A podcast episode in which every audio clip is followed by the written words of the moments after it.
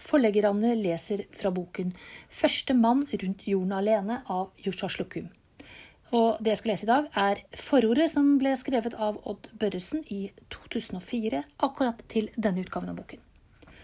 For oss som er glade i små båter, og særlig for oss som er glade i små båter, og dertil er glad i å lese om små båter, og om folk om bord i dem og deres opplevelser, er Joshua Slukkum en nesten mytologisk skikkelse. For det første fordi han var den første vi vet om som seilte alene i en liten båt rundt hele jorden. Og det gjorde han ikke fordi han flyktet fra noe, eller for å vinne noe, eller for å være den første. Han gjorde det, så vidt jeg kan forstå, for moro skyld. Simpelthen fordi han hadde lyst til å seile rundt hele jorden. Og alene seilte han fordi han ikke hadde noen å seile sammen med, eller fordi han ikke kjente noen han hadde lyst til å ha med på turen. Vi vet ikke det. For det andre, det er så mye vi ikke vet om mannen Yusha Slukkum. Det er det som gjør ham til det vi kaller mytologisk. Det vesle vi, i hvert fall jeg vet om Yusha Slukkum, er det han forteller om seg selv i sin bok om jordomseilingen i Spray. Og det er ikke mye han forteller om seg selv, han vil helst fortelle om Spray. Noe vet jeg om eh, sjømannen over alle sjømenn, Yusha Slukkum. Han var amerikaner, født på et sted som heter North Mountain, Nova Scotia en kald dag i februar. Antagelig en gang i 1840-årene.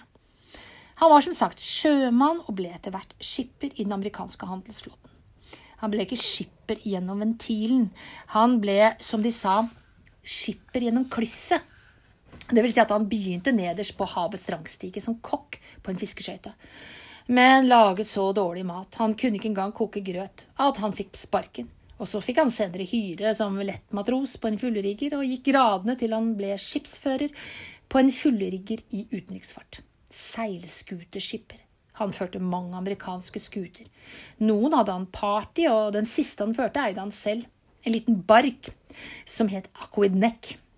Barken Aquidneck seilte han, som han selv sier, til vrak på kysten av Brasil. Da hadde han kone og to barn med om bord, og i en setning forteller han om en sannsynligvis eventyrlig reise hjem til US of America. Vi seilte hjem uten uhell i den vesle kanoen Liberdad. Det er typisk for Joshua Slukkums fortellermåte. Han skriver som en sagaforfatter. Ting som ikke har noe med hovedhistorien å gjøre, får han unna i en setning eller to. To voksne og to barn i en seilkano fra Brasil til New York. Vi får tenke oss reisen selv, og, og også hvorfor de reiste på den måten.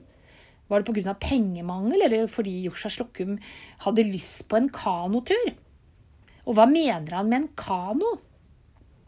Da dampskipene kom og seilskuter ble umoderne og dessuten var dårlige tider, ble det vanskelig å få jobb for en amerikansk seilskuterskipper. En gang i 1890-årene var han uten arbeid. Enkemann, så vidt jeg forstår. Eh, vi hører i hvert fall ikke til noe om kona. Han er arbeidsledig og 60 år gammel. Det vil si, det er noe med hans alder jeg ikke får til å stemme. Jeg har nemlig lest at han var ca. 60 år da han kjøpte spray i 1890-årene. Han la ut ut på sin jordomseiling 1895. Men jeg har også lest at han var født i 1860, og da blir det bare 35 år til 1895. Eh, det er sånne opplysninger som gjør Josha Slukkum litt mystisk. På et fotografi jeg har sett, ser han ut som en 60-åring. Derfor har jeg tillatt meg å tro at det er det oppgitte fødselsåret 1860, som er galt, og jeg har ganske kjekt gjettet på at han var født ca. 1840. Som arbeidsledig skipper eh, satte han seg tydeligvis ikke ned og så i veggen. Han, han kom over en gammel seilbåt i dårlig stand, men billig til salgs. Han hadde kjøpt den usett av en venn, og da han så den første gang, dekket, dekket av presenninger på land, følte han seg, sier han selv, litt lurt. Folk i havna påsto at Spray var bygget i år én. Og dette vrak av en uttørket liten seilskøyte gikk kaptein Slukkum i gang med å restaurere. Dette restaureringsarbeidet, som tok ham 13 måneders kjærlighetsfullt arbeid, skildrer dikteren Slukkum. Og det er, syns jeg, den vakreste skildring av trebåter som noen gang er skrevet. Han strekker en ny kjøl og ny stevn av beste sort eik. Bordganger av Georgia-furu. Rekkene på, på stønnerten av hvit, eh, hviteik dekket med syv åttendedels toms hvitfuru forbundet med to toms dekkspor og drevet med fine kiler av sedertre osv. osv. Skildringen av denne restaureringen av en nedslitt, gammel skøyte er det rene, skjære trebåtpoesi. En kjærlighet til trebåter og til båtbygging som det ikke fins maken til i litteraturen. Da Spray var ferdig ombygget, hadde Joshua slukket med et lite, men vakkert skip. En catch, 36 fot og 9 tommer langt, 14 fot og 2 tommer bredt og 4 fot og 2 tommer dypt. Det eneste, så vidt jeg kan forstå, som er igjen av den opprinnelige båten, var navn. Spray. Et solid lite skip som er blitt en slags drømmebåt for alle verdens drømmende langturseilere. Han visste ikke han, eh, hvor han skulle med sitt vesle, vakre skip. Han, eh, hva han skulle bruke det til. Han lurte litt på om han eh, skulle begynne å fiske, og prøvde seg på det. Men han fikk ikke så mye fisk. Han innså at han ikke var noe, no, noe god til å fiske. Det var ikke hans fag, og derfor tenkte han at han kanskje skulle seile jorda rundt. Ettersom han hadde en god båt og hadde tid til det. Og som tenkt så gjort. Han la i vei. Den 24. april 1895 hev han opp ankeret og dro av sted fra Boston for å seile jorda rundt alene. Som sagt før, ikke for å være den første, ikke for å vinne noen premie, ikke for å bli berømt, men fordi han hadde lyst på en seiltur rundt jorda, i all stillhet.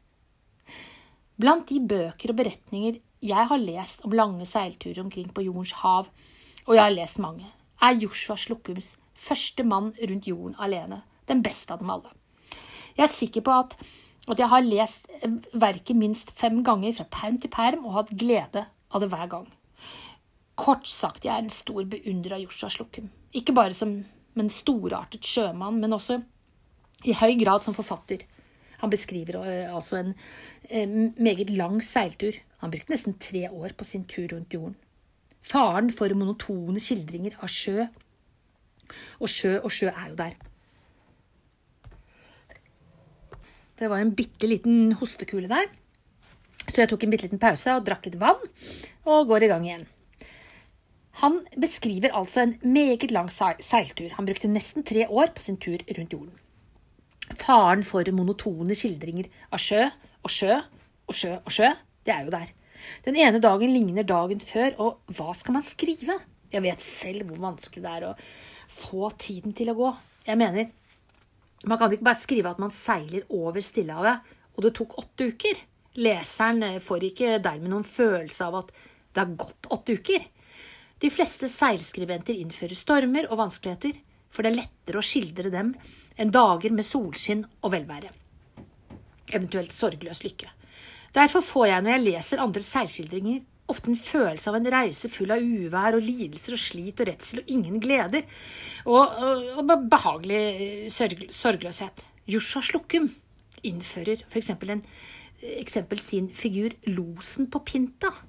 Når det blir for vanskelig med sykdom og ensomhet, ligger Slukkum i sin køye under dekk og oppdager at losen fra Pinta står til rors og styrer skipet med sikker hånd, og de to, losen og Slukkum, fører lange filosofiske samtaler om bord i Spray, som flyr som en stormfugl over havet. Han skriver dessuten sine opphold i land med humor og begeistring, møter med vennlige og uvennlige mennesker, og med venner fra seilskutedagene, andre skippere han møter, som han kjenner fra før. Og, og, han forteller om sine farefulle og slitsomme krysninger mellom, gjennom Magellanstredet, hvor han ligger for anker, og ville ildlandsindianere vil om bord og slå ham i hjel og røve hans skip og hans last. Han er jo alene, men kler opp et kosteskaft, eller, eller hva han finner for at det skal se ut som det i hvert fall er tre mann om bord. Og han strør teppestifter på dekket om natten med den skarpe siden opp, og de barbente røverne kommer om bord og stikker seg og skriker sørgelig jammerskoner, jammerskoner, og hopper skremte til sjøs, og ferden går videre. På et tidspunkt uh, detter han selv i sjøen fra jolla og kommer da i tanker om at han kan jo ikke svømme. Og hans kjærlighetsfulle skildringer av sitt vesle skip, om båtbyggerkunsten, om sjømannskap. Det er, det er som sagt før, det er som sagt før ren poesi. Dessuten er boka skrevet, også som sagt før, i en lakonisk stil, som en saga, dertil spekket med humor og understatement. Selve reisen, alene og, og så vidt vi forstår, med lite penger og lite utstyr, altså hans navigasjonsutstyr. Var et kompass og en vekkerklokke. Han hadde et kronometer, men det ville koste 15 dollar å rense og reparere det. Derfor klarte han seg med en vekkerklokke av jernblikk som han hadde kjøpt før avreisen. Klokka skulle egentlig koste halvannet dollar, men fordi glasset var knust, fikk han det for halv pris. Ja, det er naturligvis en prestasjon, men det er skildringen av reisen også. Første mann rundt jorden alene har jo vært en klassiker lenge nå, og kommer i stadig nye opplag. Særlig i Amerika og i England, men i andre land også. F.eks. som det fremgår av at du nå har denne boka i hånden i Norge. Eh, du har jo ikke akkurat boken i hånden, fordi nå leser forlegger Anne for deg, men kanskje du kjøper den og får den i hånden, eller kanskje du allerede har den. I en av de nyutgivelsene som kom ut i England, sto det i forordet, skrevet av Arthur Ransom. Joshua Slukkum var det første mennesket som seilte jorden rundt helt alene, bare med seg selv som kaptein, styrmann og mannskap. Andre kan gjenta bedriften. Ingen andre kan bli den første. Kaptein, kaptein Slukkums plass i historien er like sikker som Adams. Som jeg har sagt før. I hvert fall jeg vet svært lite om Joshua Slukkums liv før han la i vei fra Boston i 1895. Og jeg vet lite om hva som skjedde etter ham. Skjedde, ham etter at han kom tilbake til Boston i 1898. Jeg har lest at han dro på en ny seilas med spray senere en gang og ble borte på sjøen. Man regner med at han forliste der ute, men verken han eller rester av spray ble noen gang funnet. Kanskje han aldri forliste, men gikk i land, f.eks. på et stillehavsøy. Kanskje han ble konge et sted, eller giftet seg med en vakker, fet vahine og fikk mange barn. Jeg vet ikke.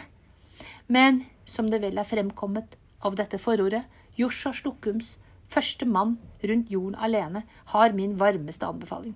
Den hører hjemme med selvfølgelighet i ethvert skipsbibliotek. Boka kan leses mange ganger, både på regnværskvelder og i solskinn. Odd Børresens forord var dette. Og så håper jeg at du kjøper boka fra flyt.no, 'Førstemann rundt jorden alene'. De sender ut nesten hver eneste dag, så du har det i løpet av noen få dager. Over og ut.